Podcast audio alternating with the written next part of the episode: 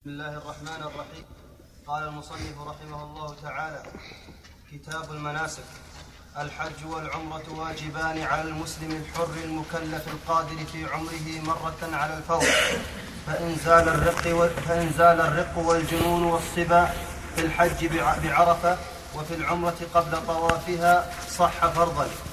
وفعلهما وفعلهما. وفعلهما من الصبي والعبد نفلا. والقادر من من من؟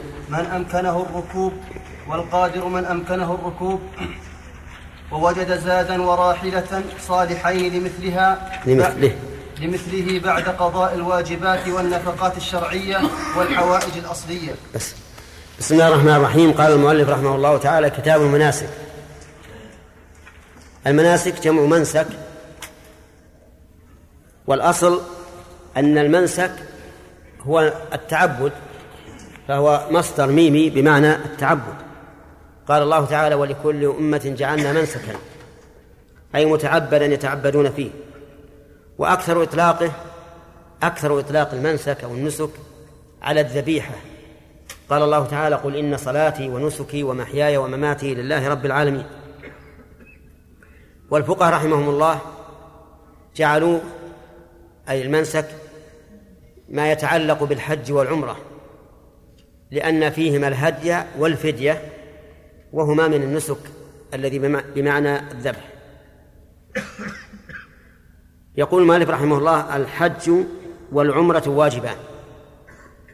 الحج مبتدأ والعمرة معطوف عليه وواجبان خبر مبتدأ. الحج واجب فرض بإجماع المسلمين بالكتاب والسنة ومنزلته من الدين أنه أحد أركان الإسلام. وهو في اللغة القصد وفي الشرع التعبد لله تعالى بأداء المناسك على ما جاء في سنة رسول الله صلى الله عليه وآله وسلم. وقول بعض الفقهاء في تعريفه قصد مكة لعمل مخصوص هذا لا شك أنه قاصر لأن الحج أخص مما قال. لأننا لو أخذنا بظاهر التعريف قصد مكة لعمل مخصوص لكان لكان يشمل من قصد مكة للتجارة.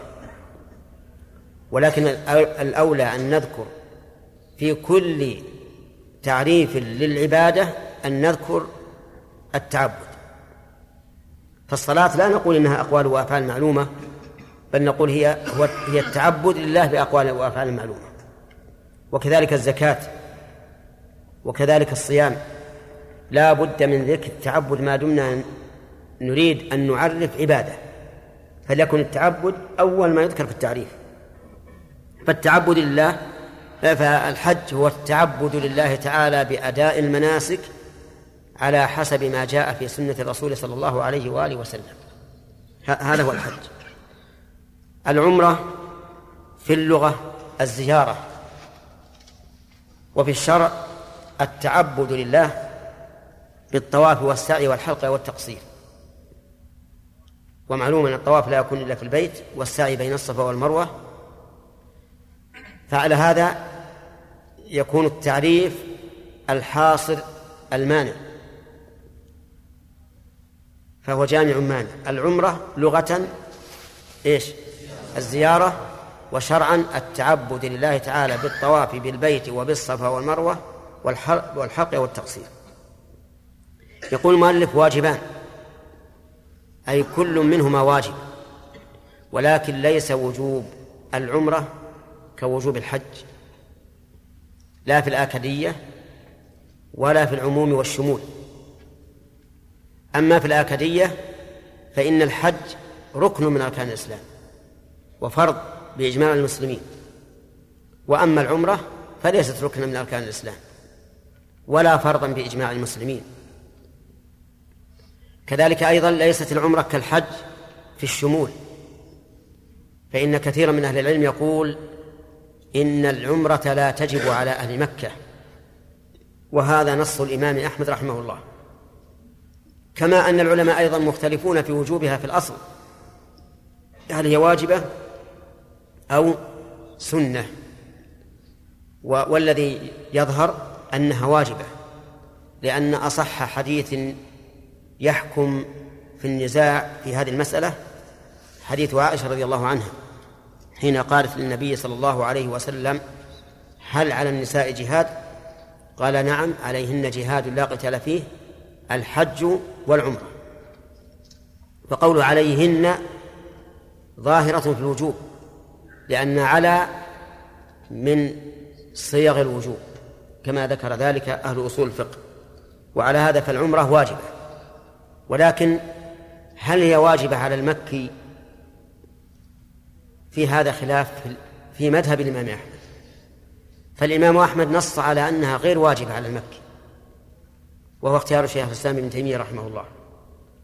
بل شيخ الإسلام يرى أن أهل مكة لا تشرع لهم العمرة مطلقا.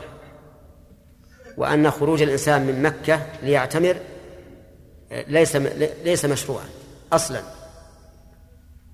ولكن في هذا في القلب من هذا الشيء. لأن الأصل أن دلالات الكتاب والسنة عامة والعامة تشمل جميع الناس إلا بدليل يدل على عدم الوجوب على على خروج بعض الأفراد من الحكم العام. وهذا الخلاف الذي ذكرناه إنما هو في العمرة أما في الحج فقد أجمع المسلمون على وجوبه على جميع المسلمين في أي مكان. إذا يختلف الوجوب في العمرة عن الحج من وجهين الوجه الأول الآكدية والوجه الثاني الشمول. فالحج واجب على جميع المسلمين بخلاف العمرة ففيها الخلاف الذي أشرنا إلى شيء منه. استدل بعض العلماء على وجوب العمرة بقوله تعالى وأتموا الحج والعمرة لله. فهل يمكن أن يسلم لهذا لهذا الاستدلال؟ وأتموا الحج والعمرة لله. الجواب لا. لا يمكن أن يسلم لهذا الاستدلال. لأن هناك فرقا بين الإتمام وبين الابتداء. فالآية تدل على وجوب الإتمام لمن شرع فيهما. ولهذا نزلت هذه الآية في الحديبية قبل أن يفرض الحج. إذ الحج لم يفرض إلا في السنة التاسعة والحديبية كانت في السنة السادسة. وهناك فرق بين الأمر بالإتمام وبين الأمر بالابتداء.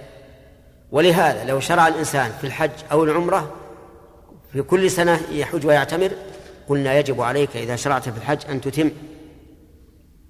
لكن ابتداء لازم الحج إلا إيش؟ مرة واحدة. لكن في الإتمام يلزمه كل ما شرع. ولو حج كل سنة فإنه يلزمه كل ما شرع في الحج أن يتمه وكل ما شرع في العمرة أن يتمها. وعلى هذا فلا يتم الاستدلال بهذه الآية على وجوب العمرة.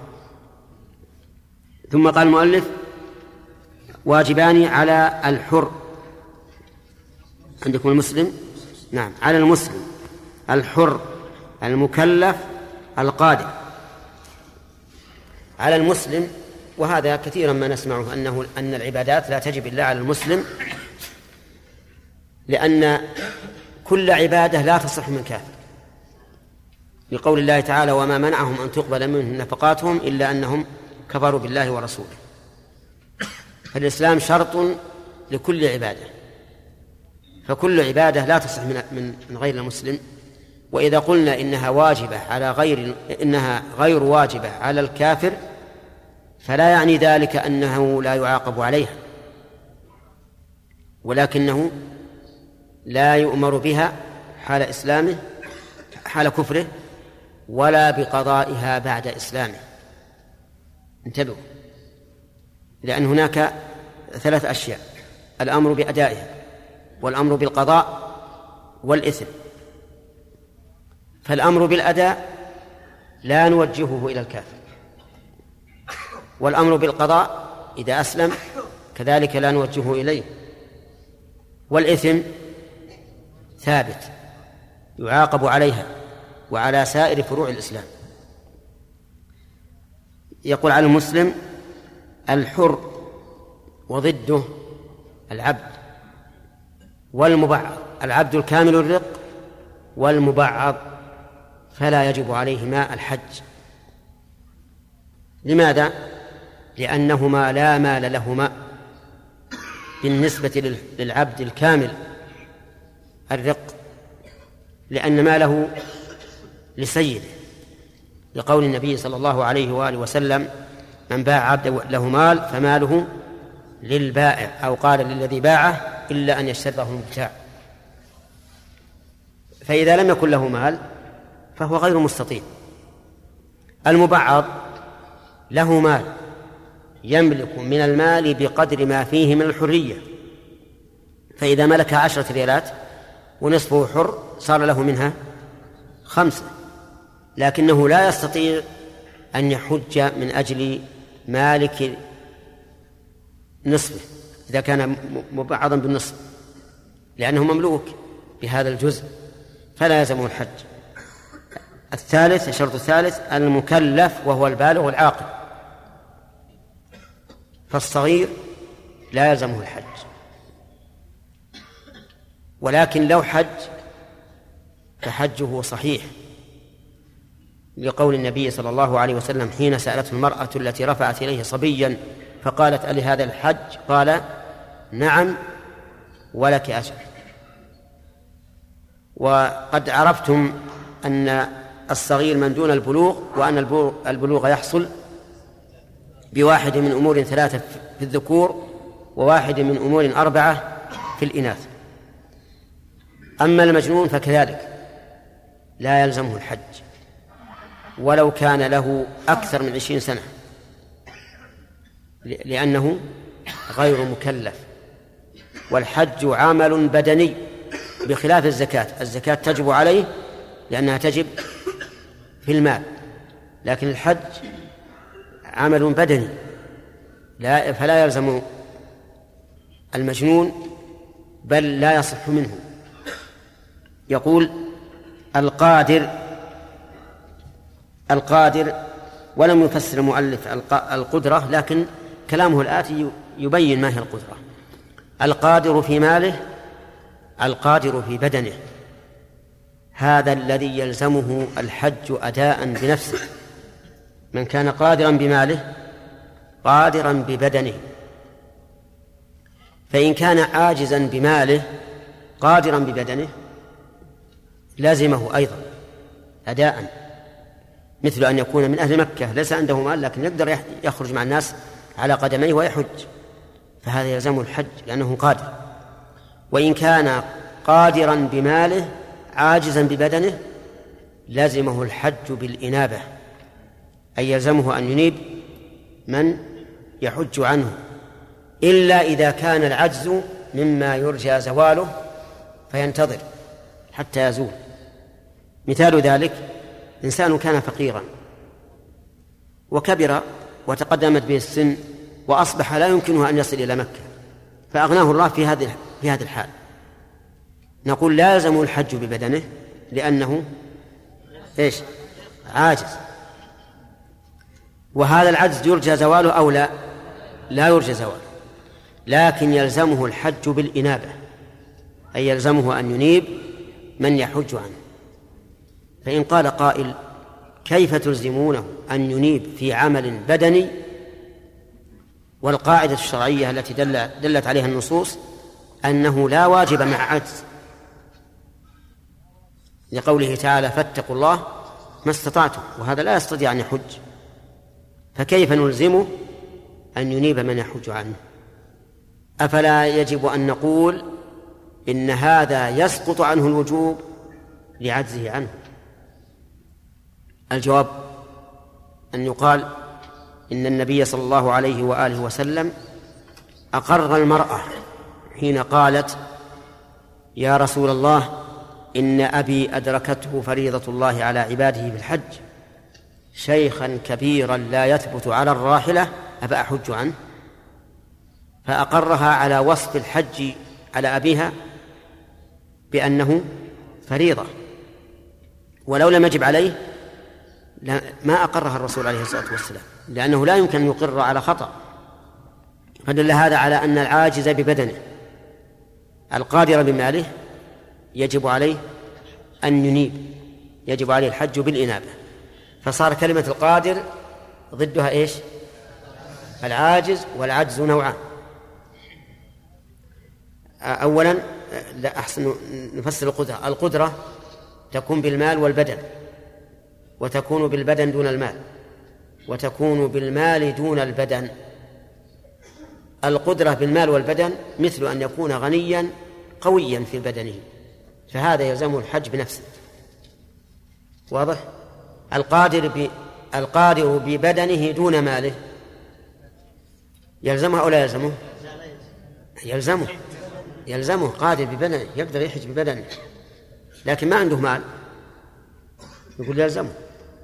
إذا كان في مكة واضح ما ما عليه مشقة.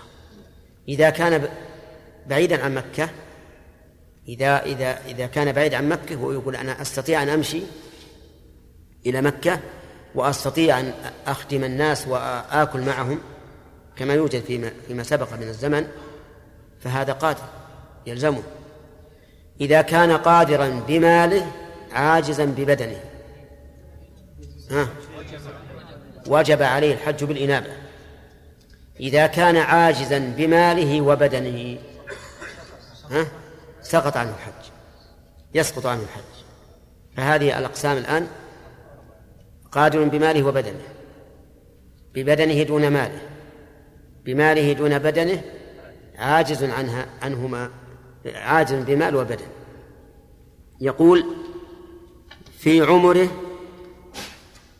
كذا عندكم؟ القارئ في عمره مرة ولا مرة في عمره؟ إيش اللي عندك؟ إيه؟ هو الحقيقة لو قدم مرة كان أحسن. واجب مرة يعني واجبان مرة في العمر. لقول النبي عليه الصلاة والسلام حين سئل عن الحج أفي كل عام قال الحج مرة فما زاد فهو تطوع. ولأن الله أطلق أطلق. فقال ولله على الناس حج البيت ولم يقل كل سنة. فدل ذلك على أن الحج واجب مرة واحدة. إلا لسبب كالنذر فمن نذر أن يحج وجب عليه أن يحج. لقول الرسول عليه الصلاة والسلام من نذر أن يطيع الله فليطعه. وقوله مرة دليله ما ذكرناه. يستفاد منه فائدة عظيمة وهو أن من من مر بالميقات وقد أدى الفريضة المرة فإنه لازمه الإحرام. وإن طال أو وإن بعد مجيئه لمكة. أو إن طال يعني مثلا له أربع سنين خمس سنين ما ذهب إلى مكة ثم ذهب إلى مكة لحاجة تجارة أو زيارة أو ما أشبه ذلك ومر بالميقات فإنه لا يلزمه أن يحرم لماذا؟ لأن الحج والعمرة إنما يجبان مرة واحدة. ولو ألزمناه بالإحرام لا ألزمناه بما بزائد عن المرة وهذا خلاف النص. قال على الفور يعني يجب على الفور. ما هو الدليل؟ أن الأصل في, الوا... في الأمر أن يكون على الفور. هذا الأصل. ولهذا غضب النبي عليه الصلاة والسلام في غزوة الحديبية حين أمرهم بالإحلال وتباطؤوا. غضب عليه. ولأن الإنسان لا يدري ما يعرض له. قد يكون الآن قادرا على أن يقوم بأمر الله وفي المستقبل عاجزا. ولأن الله أمر بالاستباق إلى الخيرات قال استبقوا الخيرات والتأخير خلاف ما أمر الله به. فالأدلة على أنه على الفور متعددة وهذا هو الصواب. أنه واجب على الفور. وقيل بل واجب بل واجب على التراخي. فهو كالصلاة في الوقت إن شئت صليها في أول الوقت وإن شئت صليها في آخر الوقت والعمر هو زمن الحج. فإن شئت فصل فحج في أول العمر وإن شئت ففي آخره واستدلوا أيضا بأن الله فرض الحج والعمرة في السنة السادسة ولم يحج النبي عليه الصلاة والسلام إلا في السنة العاشرة. ولكن الصحيح أنه واجب على الفور لأن لما علمت من الأدلة الثلاثة. وأما القول بأن عمر الإنسان كله وقت للحج فهذا صحيح لكن من يضمن أن يبقى إلى آخر إلى إلى آخر إلى, إلى السنة الثانية مثلا؟ من يضمن؟ لا يضمن أحد. أما الصلاة فوقتها قصير فلذلك وسع فيها. ثم نقول أيضا الاستدلال بقوله تعالى وأتم الحج والعمرة لله غير صحيح. لأن هذا ليس أمرا بهما ابتداء ولكنه أمر بهما بإيش؟ بالإتمام. أمر بإتمامهما. وفرق بين الابتداء والإتمام. أما فرض الحج فالصواب أنه فرض في السنة التاسعة. ولم يفرض الله تعالى قبل ذلك. لأن فرضه قبل ذلك ينافي الحكمة. كيف هذا؟ إذا كانت قريش منعت الرسول عليه الصلاة والسلام من العمرة فمن الممكن ومن المتوقع أن تمنعه من الحج. ومكة قبل الفتح بلاد كفر. لكن لما تحررت من الكفر بعد الفتح صار إيجاب الحج على الناس موافقا للحكمة. ففرض في السنة التاسعة من الهجرة. فإن قيل لماذا لم يحج النبي صلى الله عليه وآله وسلم في السنة التاسعة؟ وأنتم تقولون على الفور. نقول لأسباب. السبب الأول كثرة الوفود على رسول الله صلى الله عليه وسلم في تلك السنة السنة التاسعة. ولهذا تسمى السنة التاسعة عام الوفود. ولا شك أن استقبال المسلمين الذين جاءوا إلى الرسول عليه الصلاة والسلام ليتفقهوا في دينهم لا شك أنه أمر مهم. بل قد نقول إنه واجب على الرسول عليه الصلاة والسلام ليبلغ الناس. هذه واحدة. ثانيا تأخر النبي صلى الله عليه وسلم في السنة التاسعة لأن السنة التاسعة من المتوقع أن يحج المشركون. كما حصل. كما وقع حج المشركون في السنة التاسعة فأراد النبي عليه الصلاة والسلام أن يؤخر من أجل أن يتمحض حج حجه للمسلمين فقط وهذا هو الذي وقع فإنه أذن في التاسعة في السنة التاسعة أن لا يحج بعد العام مشرك ولا يطوف البيت عريان. وكان الناس في الأول يطوفون عراة في البيت إلا من وجد ثوبا من الحمص من قريش فإنه يستعيره ويطوف به. أما اللي غير قريش فإنهم لا يمكن أن يطوفوا بثيابهم يطوفون عراة. وكانت المرأة منهم تطوف عارية وتضع يدها على فرجها وتقول اليوم يبدو بعضه أو كله وما بدا منه فلا أحله. تطعنين الناس ولا تحلين الناس الناس بيشوفون لهم آية. لكن هذا الجهل على كل حال الرسول عليه الصلاة والسلام تأخر من أجل الوفود وهذا هو المتيقن وتأخر والله أعلم لكن علل به بعض العلماء من أجل أن يتمحض حجه مع المسلمين خاصة لا مع المشركين. وعلى هذا فنقول الصحيح أن الحج فرض في السنة التاسعة. من الهجرة لأنه جاء في آل عمران في أولها وكل أول آل عمران كله في في في محاجة الوافدين الذين يقدمون على الرسول عليه الصلاة والسلام. نعم. إذن الصواب أنه واجب على الفور وأنه لا يجوز للإنسان الذي تمت في حقه شروط الوجوب أن يتأخر. هذا هو الصحيح. نعم. يقول فإن زال الرق والجنون والصبا بعرف في عرفة في الحج بعرفة وفي العمرة قبل طوافها صح فرضا. أولا قال فإن زال الرق. أفادنا المؤلف رحمه الله بقوله فإن زال الرق أن الرقيق يصح من الحج. أليس كذلك؟ عجيب. إذن الحرية شرط للصحة أو شرط للوجوب؟ شرط للوجوب. فلو حج الرقيق فإن حجه صحيح. ولكن هل يجزئ عن الفرض أو لا يجزئ؟ في هذا خلاف بين العلماء. فمنهم من قال إنه لا يجزئ. إنه لا يجزئ لأن الرقيق ليس أهلا للوجوب. ليس أهلا للوجوب فهو كالصغير. لو حج الصغير قبل البلوغ لم يصح آه، لم يجزئه عن حجة الإسلام. فكذلك الرقيق ليس أهلا للوجوب فلا فلا يجزئ منه يجزئ منه الحج لكنه يصح. وذهب بعض العلماء إلى أن الرقيق يصح منه الحج بإذن سيده. لأن إسقاط الحج عن الرقيق من أجل أنه لا يجد مالا ومن أجل حق السيد. فإذا أعطاه سيده المال وأذن له فإنه مكلف بالغ عاقل فيلزمه الحج. وإلى هذا ذهب كثير من العلماء.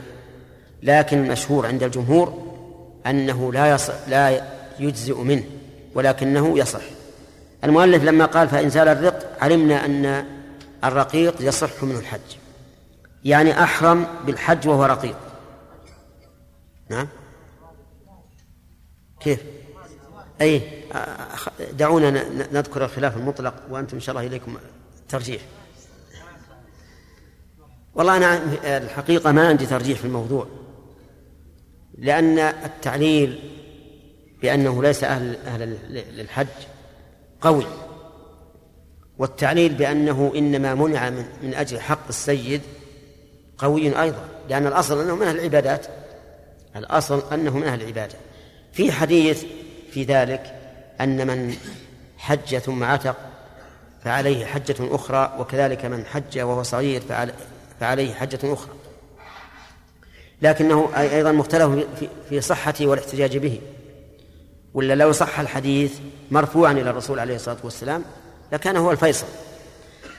فأنا متوقف في هذا ولكن بحول الله إذا وجد الأرقة الذين يحرمون في حال الرق ثم يحررون في حال الوقوف بعرفة فسيجعل الله لنا لهم فرجا ومخرجا إن شاء الله. نعم. طيب. انتهى الوقت؟ نعم. إيش؟ كيف؟ قضاء الصيام. قضاء الصيام على الفور لا نقول على الفور لأن الرسول يقر عائشة حتى آه، شعبان. نعم؟ لا فرق بين القضاء وبين الأداء. نعم.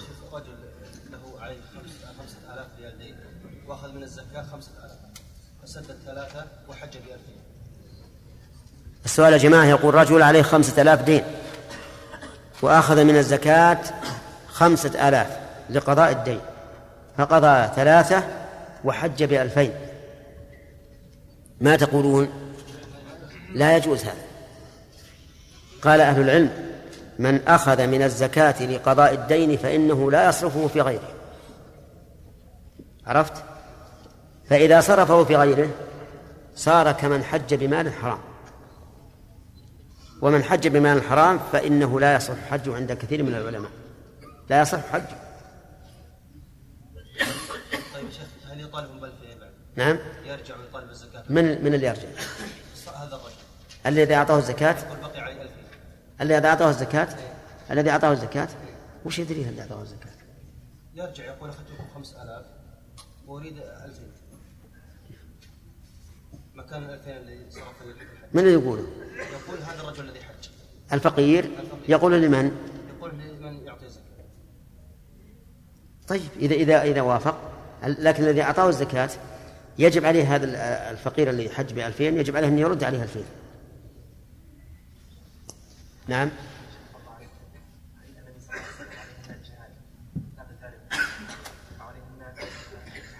نعم نعم. نعم. بينا هذا. قلنا إن على ظاهرة في الوجوب. لا لا. الجهاد واجب على الرجال. إي نعم. هو الأصل أنه فرض كفاية. الأصل أنه فرض كفاية. نعم. حق من؟ الرسول قال عليهن جهاد لا قتال فيه. الحج والعمرة. ففسر هذا الجهاد الذي أوجبه عليهن بأنه الحج والعمرة. نعم يحيى. إلا من الناس. من أهل الاستطاعة إذا إذا أذن له وأعطي. نعم. لا عندنا طائرة الآن. أعطينا التذكرة كاملة. أو أو أرسلناه مع قافلة. نعم. نعم. نعم. نعم. أي نعم. هذا أنا قلت لكم أن المسألة فيها خلاف. وبينا وجه كل قول. فمن فمن ظهر من ظهر له القول بالوجوب منكم فهو في حل أن يقول يجب على العبد. أنا أنا متوقف والله. لكن أنا قلت لكم إذا إذا وقعت الواقعة سيجعل الله لها فرجا.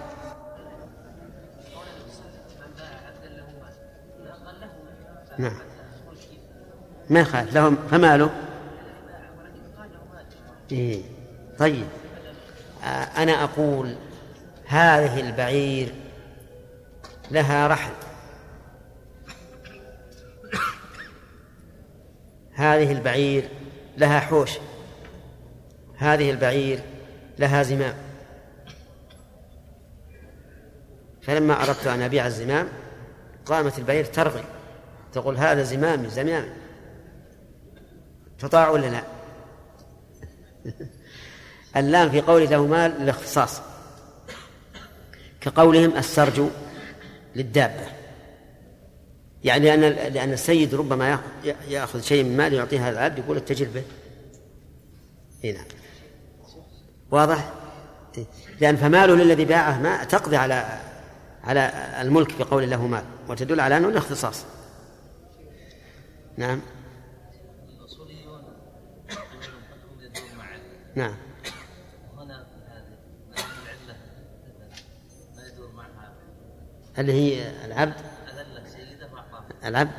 والله لا شك إنها تعليل قوي لكن اللي فيه عامة الفقهاء استدلوا بحديث ابن عباس الذي أشرت إليه أن من حج وهو يعني فعتق فعليه أن يحج حجة أخرى. لكن كثير من المحدثين قال إن هذا موقوف على ابن عباس ولا ولا ولا وليس مرفوعا. نعم.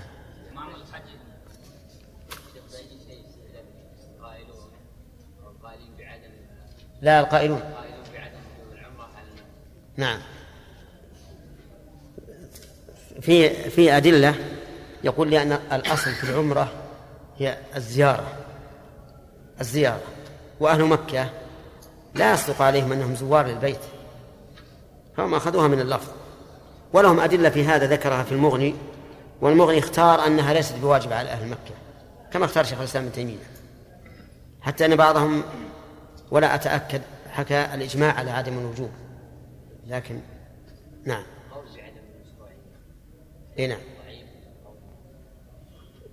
المراد إذا إذا خرجوا من مكة لأداء العمرة.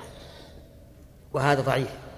لكن إذا خ... إذا جاءوا من بلد آخر مثل لو لو سافروا إلى إلى بلد آخر ثم عادوا إلى مكة فهم كغيرهم إذا إذا أحبوا العمرة. هذا يسأل يقول امرأة فاتها رمضان كله ورمضان تسعة وعشرون هل تقضي شهرا ثلاثين أو تسعة وعشرين؟ تسعة وعشرين؟ الدليل؟ لا الدليل مو التعليل. لا. قال الله فعدة من أيام أخرى عدة. حتى ما ذكرها الشهر ولا. فعدة من أيام أخرى إن كان تسعة وعشرين فتسعة وعشرين إن كان ثلاثين فثلاثين واضح؟ وإن كان واحد وثلاثين؟ لا يصير. يصير ذكرنا إذا سافر إلى بلد آخر وتأخر إفطارهم يصوم معهم. يصوم معهم. القضاء لا تصوم لا تصوم الا 29 طيب راح الوقت يا شيخ. راح الوقت. الحمد لله رب العالمين والصلاة والسلام على أشرف الأنبياء والمرسلين ورحمة الله المهداة للعالمين سيدنا محمد وعلى آله وصحبه أجمعين. وبعد قال المؤلف رحمه الله تعالى في كتاب المناسك فإن زال الرق والجنون والصباء في الحج بعرفة والصباء. والصباء. فإن زال فإن زال الرق والجنون والصبا في الحج بعرفة وفي العمرة قبل قبل طوافها صح فرضا وفعلهما من الصبي والعبد نفلا. بسم الله الرحمن الرحيم الحمد لله رب العالمين وصلى الله وسلم على نبينا محمد وعلى آله وأصحابه ومن تبعهم بإحسان إلى يوم الدين. شروط وجوب الحج محمد الإسلام والعقل والبلوغ والحرية و... أي نعم طيب هل الحج واجب على الفور أو على التراخي؟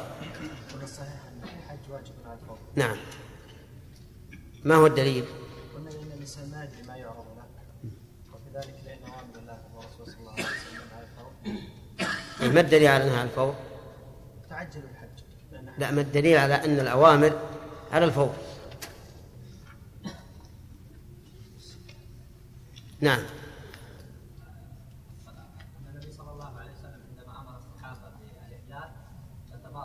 في غزوة الحديبيه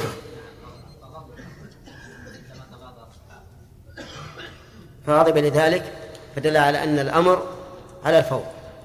أحسنت. وله أدلة أخرى أيضا.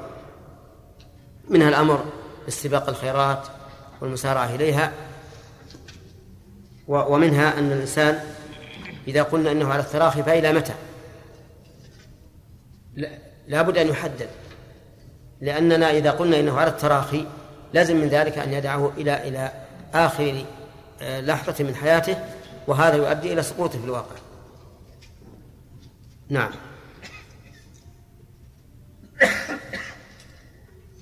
أظن ما أخذنا أكثر من ذلك يقول المؤلف رحمه الله إيش؟ يوزع زلنا فيها أوراق. ما أدري وش الأوراق.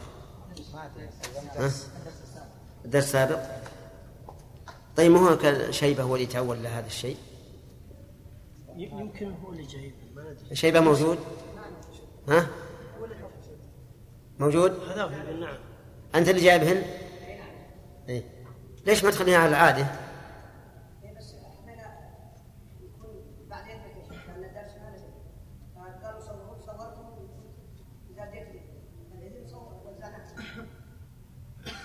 امشي على عادتك.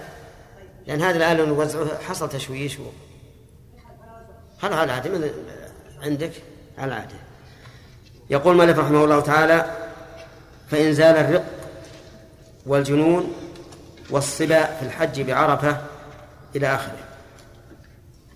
إن زال الرق في الحج بعرفة صح فرضا.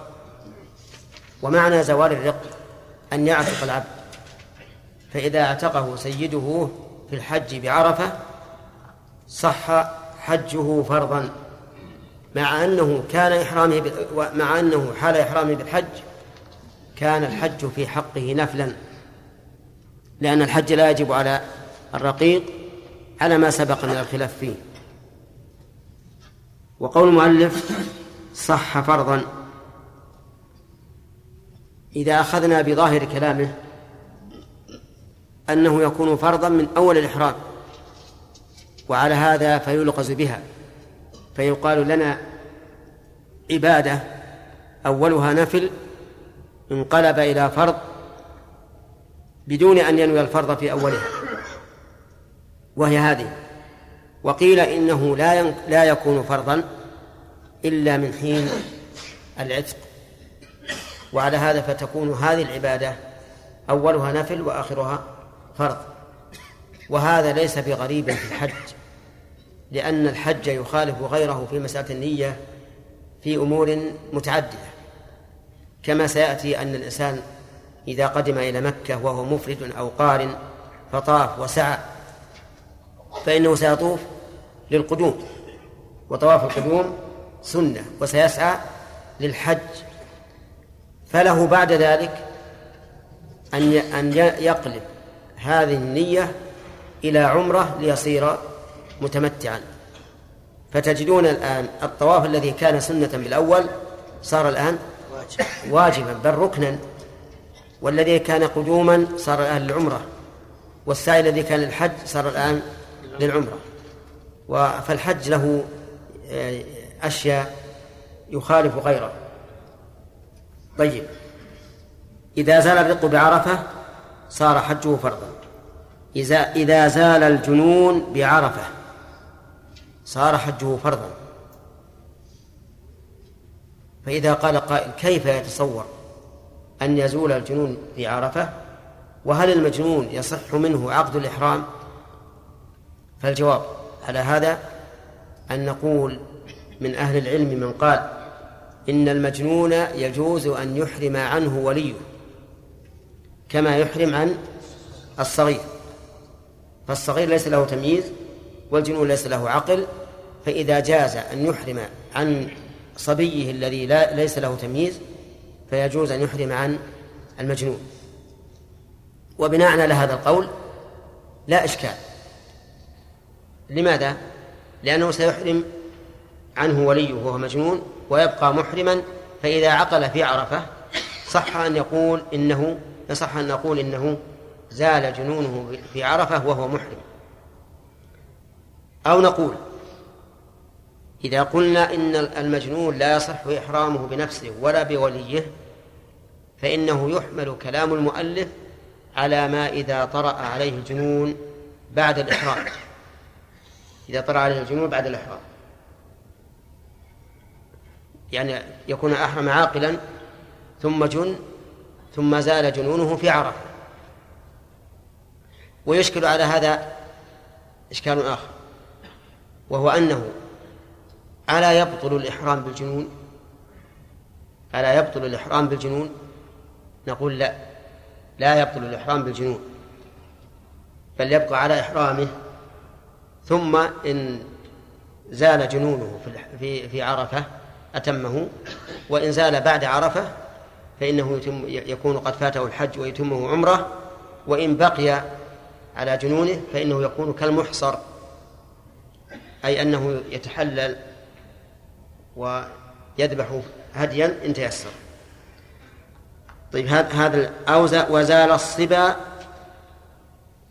بالحج بعرفة. الصبا يعني الصغر وذلك بأن يبلغ في عرفة. وهل يمكن أن يبلغ في عرفة؟ يمكن. بماذا؟ إما بالسن أو بالاحتلام إما بالسن بأن يكون هذا الرجل قد ولد في منتصف يوم عرفة وفي منتصف يوم عرفة تم له خمس عشرة سنة. فحينئذ يكون قد بلغ في عرفة. وإما أن ينام في يوم عرفة ويحتلم فيكون قد بلغ في عرفة. فإذا بلغ الصبي في عرفة صار حجه فرضا وأجزأه عن حجة الإسلام. يقول وفي العمرة قبل طوافها صح فرضا. كذلك أيضا لو اعتمر الصبي وفي أثناء العمرة قبل أن يشرع في الطواف بلغ فإن عمرته هذه تكون فرضا. كذلك المجنون لو جن بعد إحرامه بالعمرة أو قلنا بصحة إحرام ولي إحرام وليه عنه. ثم عقل قبل طواف العمرة فإنه يصح فرضا. طيب. وكذلك أيضا العبد لو أحرم بالعمرة وهو رقيق ثم أعتقه سيده قبل أن يطوف فإنه يكون تكون عمرته فرضا. وعلم من كلامه أنه لو زال الرق والجنون والصبا بعد عرفة فإنه لا لا يكون فرضا.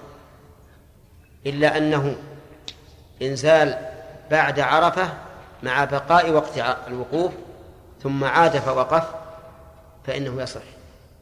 مثل أن يكون الرجل أن يكون الصبي مثلا أو الرقيق قد دفع من عرفة بعد غروب الشمس ليلة العيد. وفي تلك الليلة بلغ أو عتق. فإننا نقول له إن رجعت الآن إلى عرفة ووقفت بها فإنها حجك يكون فرضا.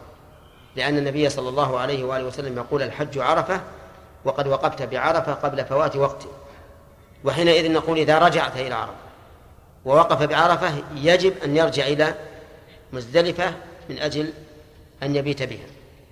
فإن قال قائل هل يلزمه إذا بلغ بعد الدفع من عرفة ومع بقاء وقت الوقوف هل يلزمه إذا بلغ في هذه الحال أن يرجع إلى عرفة ليقف أو له أن يستمر؟ نقول إن قلنا بأن الحج واجب على الفور وجب أن يرجع ليقف بعرفة حتى يؤديه من حين وجب عليه. وإن قلنا بأنه على التراخي لم لم يلزمه أن يرجع إلى عرفة ويستمر في إتمام هذا الحج ويكون هذا الحج نفلا لا فرضا. طيب إذن قول المؤلف رحمه الله في الحج بعرفة يرد عليه سؤال وهو لو زال الصبا والرق والجنون بعد الدفع من عرفة ثم رجع فوقف قبل خروج قبل فوات وقت الوقوف فإنه يصح فرضا. ويتفرع على هذا سؤال. هل يلزمه أن يرجع؟ هل يلزمه أن أن يرجع إذا بلغ قبل فوات وقت الوقوف؟ هذا ينبني على القول في فرق بأداء الحج. هل يجب على الفور أو لا؟ إن قلنا يجب على الفور وجب عليه أن يرجع لأنه أمكنه أن يسقط الفريضة. وإن قلنا على التراخي لم يلزم وحينئذ إذا استمر يقع الحج منه نفلا. نعم. وصح فرضا قال وفعلهما من الصبي والعبد نفلا. يعني يصح فعل الحج والعمرة من الصبي ولكن يكون نفلا. لأن من شرط الإجزاء البلوغ. لا يجزى عن الفرض حتى يبلغ يبلغ. فإذا حج وهو صغير فالحج في حقه نفل وليس بفرض. ولم يبين المؤلف رحمه الله كيف يحج الصبي. لم يبين ذلك على وجه التفصيل. فنقول الصبي إن كان مميزا فإن وليه يأمره بنية الإحرام. يقول يا بني أحرم لأنه يميز وإن كان غير مميز فإن وليه ينوي الإحرام له. ينوي الإحرام له. والولي يكون محرما إذا نوى الإحرام له أو يكون الصبي محرما. يكون الصبي محرما ينعقد الإحرام بنية وليه له. ثم يستمر. عند الطواف إذا كان مميزا يأمره بنية الطواف. يقول يا بني الآن نطوف. ثم إن كان قادرا على المشي مشى. وإن لم يكن قادرا حمله وليه أو غيره بإذن وليه. ويقال في السعي كما يقال في الطواف. أما الحلقة والتقصير فأمره ظاهر لأنه يمكن أن يحلق رأسه أو يقصر وهو في المهد. طيب ثم نسأل. هل الأولى أن نحرم بالصغار بالحج والعمرة أو الأولى عدم ذلك؟ نقول في هذا تفصيل. إن كان في وقت لا يشق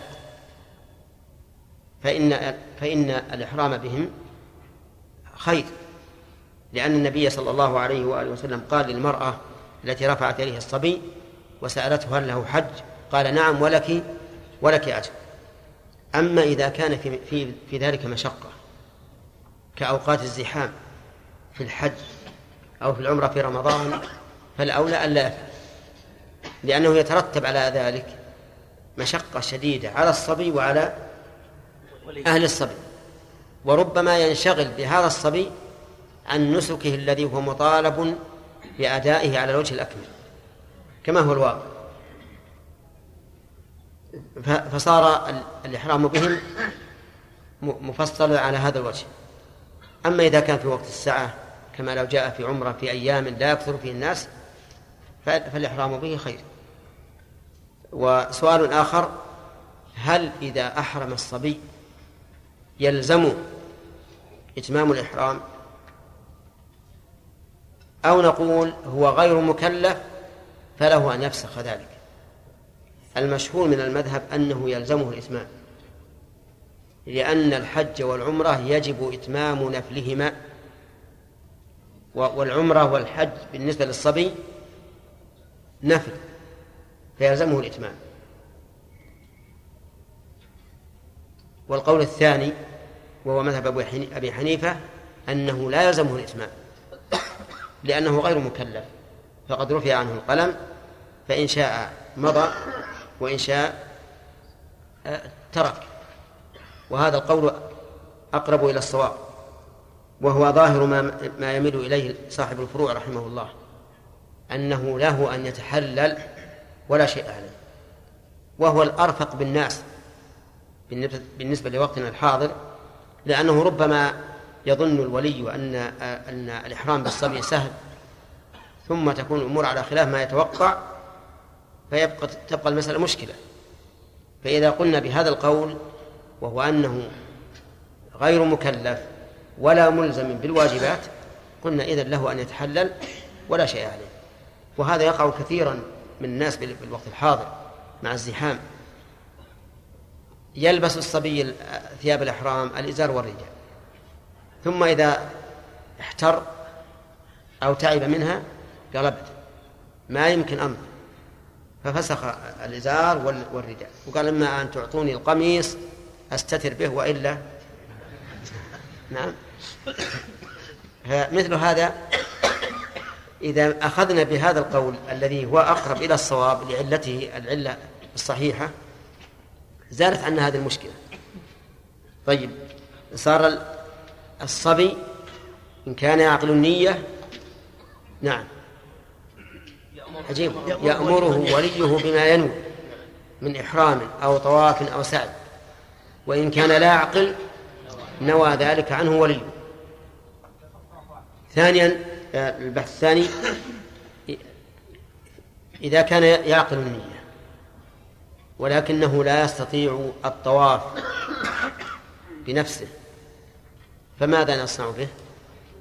يحمله وليه أو غيره بإذن وليه. في الطواف وفي السعي. لأن لأن الركوب أو الحمل في الطواف والسعي عند العجز جائز. فقد قالت أم سلمة للنبي صلى الله عليه وسلم حين أمر بالطواف للوداع قالت يا رسول الله إني مريضة. قال طوفي من وراء الناس وأنت راكبة. فدل هذا على أنه يجوز الركوب أو الحمل عند العجز. فيه بحث مهم أيضا في هذه المسألة إذا قلنا بأنه يحمله فهل يصح أن يطوف به عن نفسه وعن هذا الصبي؟ المذهب لا يصح. وإذا نوى عن نفسه وعن المحمول فإنه يقع عن المحمول ولا يقع عن نفسه. والقول الثاني إنه أنه لا يصح وإذا نوى عن نفسه وعن المحمول وقع عن نفسه دون المحمول. لأنه أصل والمحمول فرع. والذي نرى في هذه المسألة أنه إذا كان الصبي يعقل النية فنوى وحمله وليه فإن الطواف يقع عنه وعن الصبي. لأنه لما نوى الصبي صار الطواف كأنه طاف بنفسه والولي لم يعمل شيئا. وإذا فينوي عن نفسه وينوي عن الولي. أما إذا كان لا يعقل النية فإنه لا يصح أن يقع طواف بنيتين. فيقال لوليه إما أن تطوف أولا ثم تطوف الصبي وإما أن تحمل أن تكل أن تكل أمره إلى شخص يحمله ويبارك في الطواف السعي. يقول وفعلهما من الصبي. والعبد نفلا. العبد ولو كان بالغا عاقلا لا يصح منه الفرض. بل لا يقع منه الحج والعمرة إلا نفلا لأنه ليس من أهل الفرض. وسبق الخلاف في هذا وهو أنه هل من شرط الوجوب الحرية على كل حال أو نقول من شرطه الحرية ما لم يأذن له سيده فإن أذن له وجب عليه على الخلاف السابق. ولكن حتى لو أذن له وليه بالحج فإنه على المذهب لا يقع إلا نفلا ولا يقع عن الفرض. حتى لو نوى أنه فريضة فإنه لا يصح. ولكن في هذا نظر. والصواب أنه إذا طاف إذا إذا حج بإذن سيده ونواه عن الفريضة فإنه يجزئه لأننا نقول لا يجب عليه الحج لأنه كالفقير. والفقير لو حج حال فقره وتكلف المشقة فإنه يسقط به الفرض. فكذلك هذا العبد إذا حج بإذن وليه فإنه يسقط عنه الفرض. يقول وفعلهما من الصبي والعبد نفلا. وعلى هذا يتبين أن الشروط الخمسة التي ذكرناها في الدرس السابق. شروط الوجوب. تنقسم إلى ثلاثة أقسام. منها ما هو شرط للوجوب والإجزاء والصحة. ومنه ما هو شرط للوجوب والإجزاء دون الصحة. ومنها ما هو شرط للصحة. فالإسلام شرط للوجوب والإجزاء والصحة. وكذلك العقل. شرط للوجوب والإجزاء والصحة إلا على رأي من يرى أن المجنون كالصبي يصح أن ينوي عنه وليه. والحرية شرط للوجوب والإجزاء دون الصحة. والبلوغ شرط للوجوب والإجزاء دون الصحة. والاستطاعة شرط للوجوب فقط. فلو حج وهو غير مستطيع أجزاءه وصح منه. فتنقسم إلى هذه الأقسام الثلاثة. طيب. يقول رحمه الله والقادر القادر في قوله على كل مسلم مكلف على الحر المسلم على المكلف على المسلم الحر المكلف القادر من هذا القادر؟ يقول إن القادر من أمكنه الركوب ووجد زادا وراحلة. زادا وراحلة. إيش بعد عندكم؟ صالحين لمثله. هذا هو القادر. من أمكنه الركوب. فمن لا يمكنه الركوب فليس بقادر. وكيف لا يمكنه الركوب؟ نقول أما في عصر الإبل فتعذر الركوب كثير يوجد بعض الناس لا يستطيع الركوب على الراحلة لكونه نضوى الخلقة ضعيف ضعيفا هزيلا. لا يستطيع الركوب. فإن قال قائل يمكن أن نربطه على الرحل. قلنا في هذا مشقة. لا لا لا لا تأتي بها الشريعة. أما في وقتنا وقت السيارات والطائرات فالذي لا يمكنه الركوب في الغالب يكون نادرا. لكن رأينا بعض الناس لا يمكنه الركوب في السيارة لأنه إذا ركب تعب تعبا عظيما. نعم داخ وزال وعيه أو ربما يصاب بغثيان وقي يتعب معه تعبا عظيما. يقول هذا لا يجب عليه الحج. وإن كان صحيح البدن قويا لكن ما دام يتكلف إلى هذا إلى هذه الكلفة فإنه لا يجب عليه الحج. الثاني يقول وجد زادا وراحلة الزاد ما يتزود به المسافر من طعام وشراب ورحل وغير ذلك من حوائج السفر.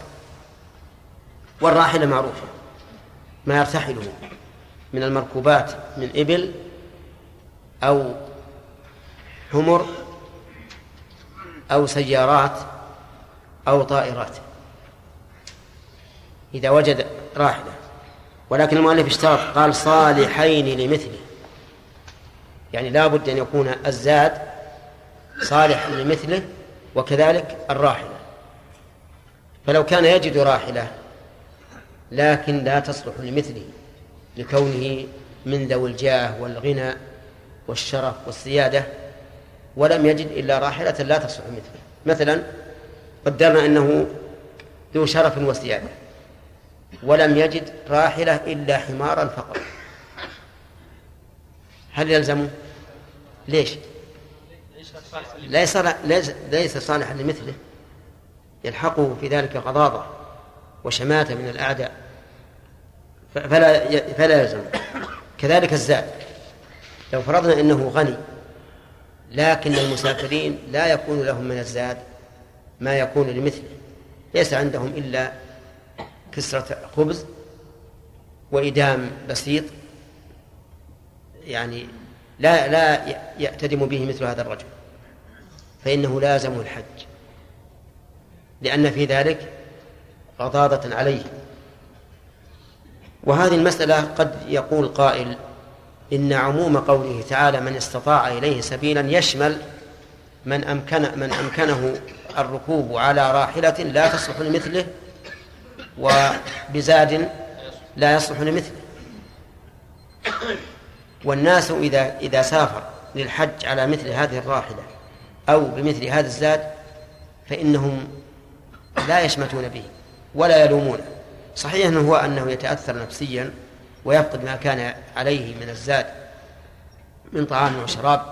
وكذلك يرى أن هذه الراحلة لا تليق بمثله لكن لا يقال إنه عاجز. والله عز وجل يقول من من استطاع إليه سبيلا ولهذا ذهب بعض العلماء إلى أن إلى القول بأنه من وجد زادا وراحلة يصل بهما إلى المشاعر ويرجع ولم يقيد ذلك بكونه بكونهما. صالحين لمثله وهذا أقرب إلى الصواب. أن نقول من استطاع إليه سبيلا بأي حال من الأحوال إذا لم يكن عليه ضرر. أما كونه يفقد المألوف من مركوب أو أو مطعوم أو مشروب فإن هذا لا يعد عجزا. ثم ذكر شروطا أيضا فقال بعد قضاء الواجبات والنفقات نجعلها للدرس القادم لأنه جاء وقت الأسئلة. نعم.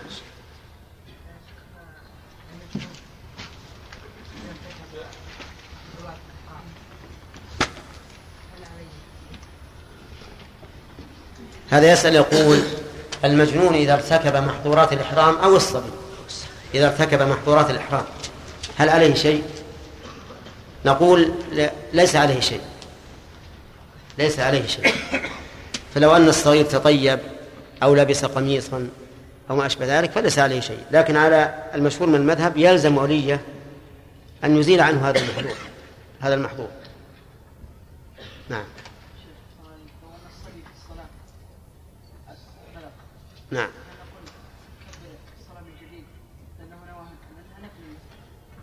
نعم.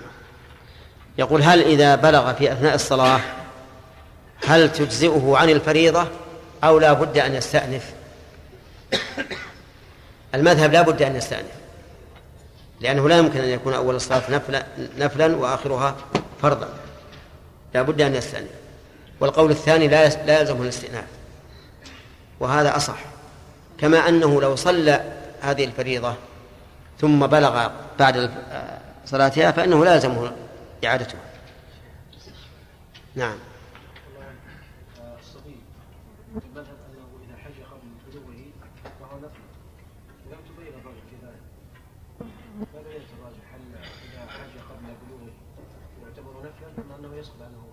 لا إذا إذا حج الصبي قبل بلوغه فإنه نفل. وليس ولا يسقط عنه الفرق نعم.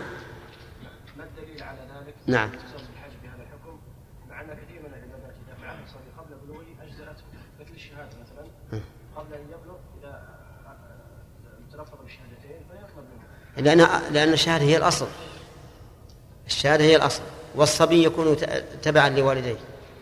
إذا كان والداه مسلمين فهو مسلم حتى وإن لم ينطق بالشهادة لكن لو امتنع من من النطق بالشهادة بعد التمييز فإنه لا لا يتبع والديه. نعم؟ أي نعم. لا قال ألي هذا حج؟ ألي هذا حج؟ قال نعم له حج لا ما يدل على الإلزام لأنه أصلا إذا حج قبل أن يبلغ لم يخاطب به إلى الآن. فإذا كان لم يخاطب به فهو كما لو صلى الصلاة قبل دخول وقتها. نعم خالد.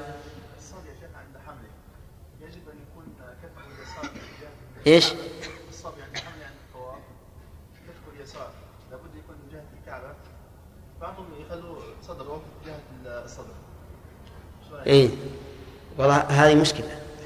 ما تقولون؟ المحمول في الطواف هل يجب أن يكون أن تكون الكعبة عن يساره؟ مع أن الغالب أن الكعبة تكون عن يمينه. هذا هو الغالب. المذهب لا بد أن تكون عن يساره. وعلى هذا فلا يمكن حمله إلا لا- وضعه على الكتف. نعم. أو وضعه على الكتفين وجعل يتمسك برأسه. أو فعل ما تفعله نساء التكرم. نساء التكرم الآن تحمل ابنها ويكون الكعبة عن يساره إي نعم. والذي يظهر لي أنه ليس بشرط. الظاهر لأنه ليس بشرط لأن ظاهر قول الرسول له حج يقتضي أنه له حج ويحمل على ما يحمل عليه. عادة نعم. وفي مشقة. الواحد يدفع اي نعم. لكن لو حطوا على كتف واحد على كتف تصير الكعبة اي وراه صار المرأة ما يمكن يحط على الكتف نعم. الكعبة وراه تصير من؟ إذا حطوا على الكتف الأيسر مثلا. لا لا. يستدبر الكعبة. ما يصير وراه إذا حطوا على الكتف و- و- و- ورجاله تتدلى على صدر أبيه مثلا. تعب هذا مشقة. والله على كل حال فيه تعب. نعم. الآن في وقتنا الحاضر ما يستطيع يركب السيارة مثل الإغثاء الذي يحصل له. إي. هذا ربما يكون مستمر. إي نعم. فهل يجب عليه الإنابة؟ إي نعم. تجب عليه الإنابة. إذا كان مستمر يكون مثل الكبير والمريض مرضا لا يرجى برؤه. نعم. أحسن الله إليك. قلنا أن الصبي إذا لم يميز ونوى عنه وليه نعم. فإنه لا يحمله. وإلا يكون- الطواف للصبي إذا حمله. إذا نوى. إذا نوى. نعم. إذا نوى عنه. لكن الملاحظ أن كثيرا من الناس يفعلون هذا الشيء. إنهم إيش؟ إنهم يفعلون هذا الشيء. ينمون عنه وعن أنفسهم ويحمل ويحملون صبيانه. إي نعم. إي نعم. ما نرى أنه ما يصح الطواف للصبي. يصح الطواف للأب ولا للحامل دون المحمول. يعني لا بد أن يحمل من جهة أخرى. اي من جهة أخرى. إذا خلص من من طوافه حمله أو ح- جعل انسان ثاني يمشي معه. هذه مسألة مهمة يحتاج مهمة إي نعم. والمشكلة أن على المذهب يصح عن المحمول دون الحامل. هذه هذه أشد. مشكلة. هذه أشد. إيه هذه أشد. وين نوى الحامل؟ نعم. لا لا إذا نوى. إحنا قلنا إذا كان مميز يقول له إن ويحمله ما في بأس. نعم. إي نعم والسعي كذلك وين نوى الحامل يا شيخ؟ ما يستقيم هذا كل واحد. أنا واحد واحد. لو بدأ الصبي حمل الصبي رجل ثم طاف به شوطا ثم نام ثناء الطواف هل يجزئ؟ وش تقولون؟ الصبيان حالة هذه واقع. لا واقع. يصيحون في اولا اولا إنه يصيح لكن مسألة الصياح معفو عنها لأن الله أباح فيه الكلام. نعم. لكن إذا نام هو أو الذي يحمل. الان في ناس يحملون في الطواف. وفي السعي أيضا في في, في العربيات. ينامون. نقول إذا نوى من أول الأمر من أول شوط فلا بأس. حتى لو نام كل الساعة. إي نعم. لأنه مح- لأنه يسعى به. كيف؟ في قول قول لا بل, بل هو الصحيح. الصحيح أنه ليس لا, لا- له الطهارة. حديث ضعيف لأن الحديث الذي يروى الطواف بالبيت صلاة إلا أن الله أباح فيه الكلام لا يصح مرفوعا إلى الرسول عليه الصلاة والسلام.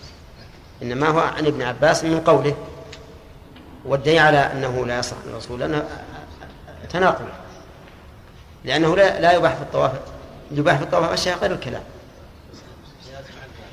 إيه أقول يباح غير الكلام. كلام الرسول مضبوط لو كان من الرسول ما أبيح فهو مثلا يباح فيه ترك الفاتحة ما يقرأ فيه الفاتحة. ولا يستقبل فيه القبلة.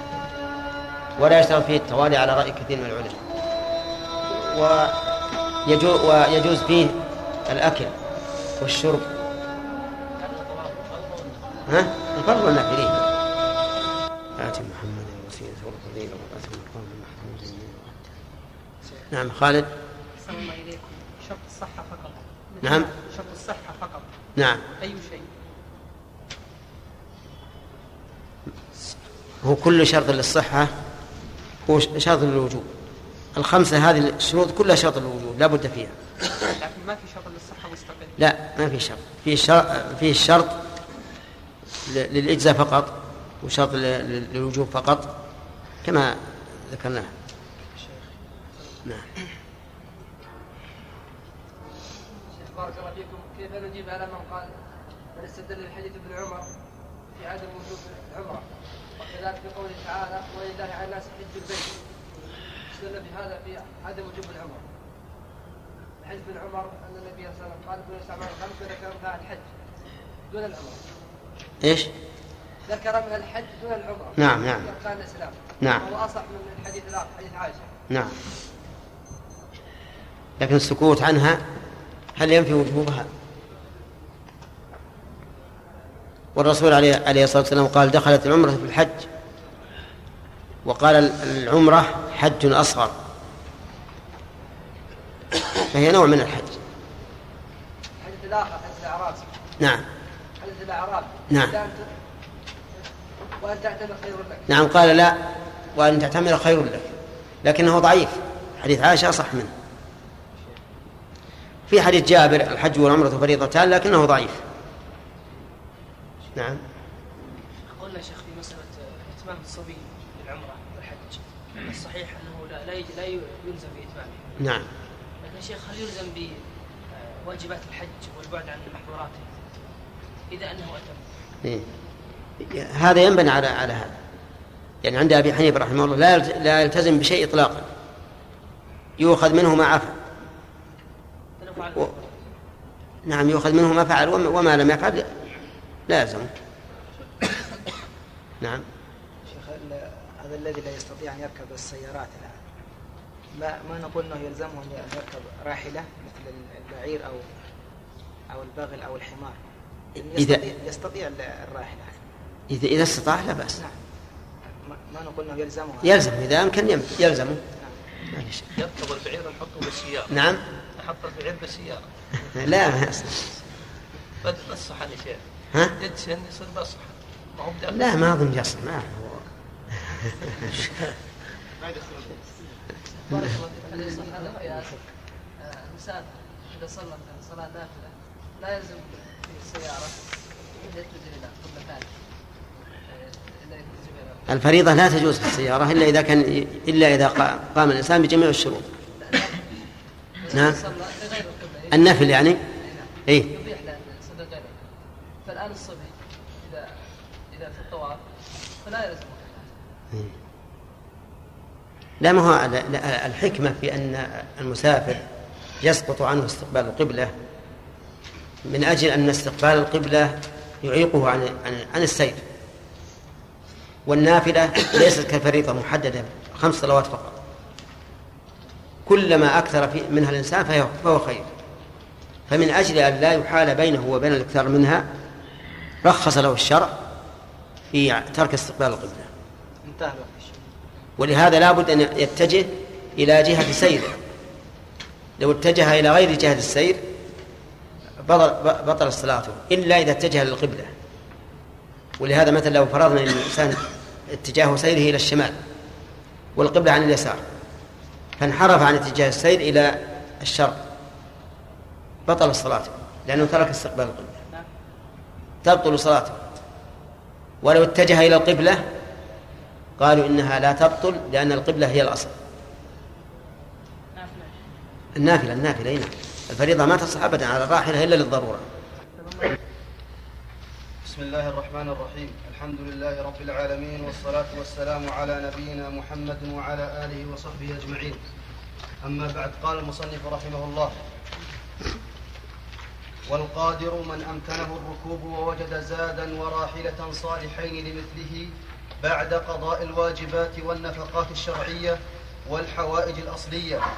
وإن أعجزه كبر أو مرض لا يرجى برؤه لزمه أن يقيم من يحج, من يحج ويعتمر عنه من حيث وجب ويجزئ عنه. وإن عوفي بعد الإحرام ويشترط لوجوبه على المرأة وجود محرمها. وهو زوجها أو من أو من تحرم عليه على التأبيد بنسب أو سبب مباح وإن مات من لزماه أخرجا من تركته بسم الله الرحمن الرحيم الحمد لله رب العالمين وصلى الله وسلم على نبينا محمد وعلى آله وأصحابه ومن تبعهم بإحرام. ومن تبعهم بإحسان إلى يوم الدين ما قولك يا علي بصغير بلغ في الحج بعد الوقوف بعرفة. كان يمكنه بعد الوقوف كان يمكنه الرجوع إلى عرفة ليقف على قول صح من أول يعني يرجع ويقف يرجع ويقف ما لم تطلع الشمس ياخذ فجر يوم نعم وإلا فإنه لا يصح إذا طلع فجر يوم لأنه لا يمكن الوقوف في عرفة يقول في الجواب إذا أمكن أن يرجع فيقف بعرفة بحيث يكون وقت الوقوف باقيا فإنه يرجع ويقف بعرفة ويصح فرضا. وإن لم يمكنه أن يرجع إلى عرفة قبل طلوع الفجر فإنه يبقى حجه نفلا. صح. ما تقول يا يحيى؟ برجل بصبي أحرم بالعمرة ثم بلغ قبل الشروع في الطواف.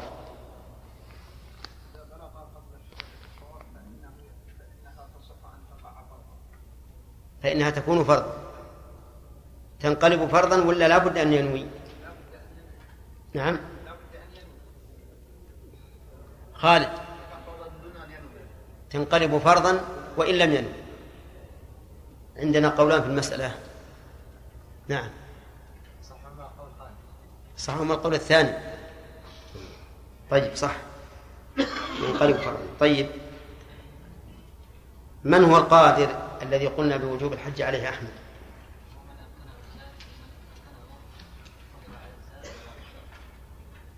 من؟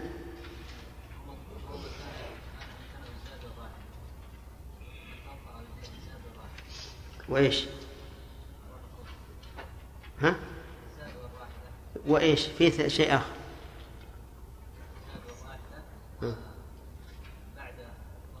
لا خل بعد ما بعد وصلنا. يلا أقيل. لا لا لا. نعم سعد. من أمكنه الركوب ووجد الزاد والراحلة طيب. هل يشترط في الزاد والراحلة أن يكون على وصف معين أو مطلق الزاد والراحلة؟ ما هو؟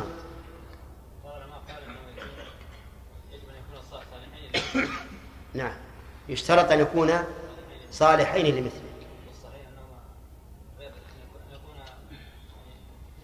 أن يمكنه والصحيح أنه يشترط فيهما أن يمكنه الوصول إلى مكة والرجوع منها ولو بزاد لا يصح لمثله لأن زاد المسافر ليس كزاد المقيم. طيب.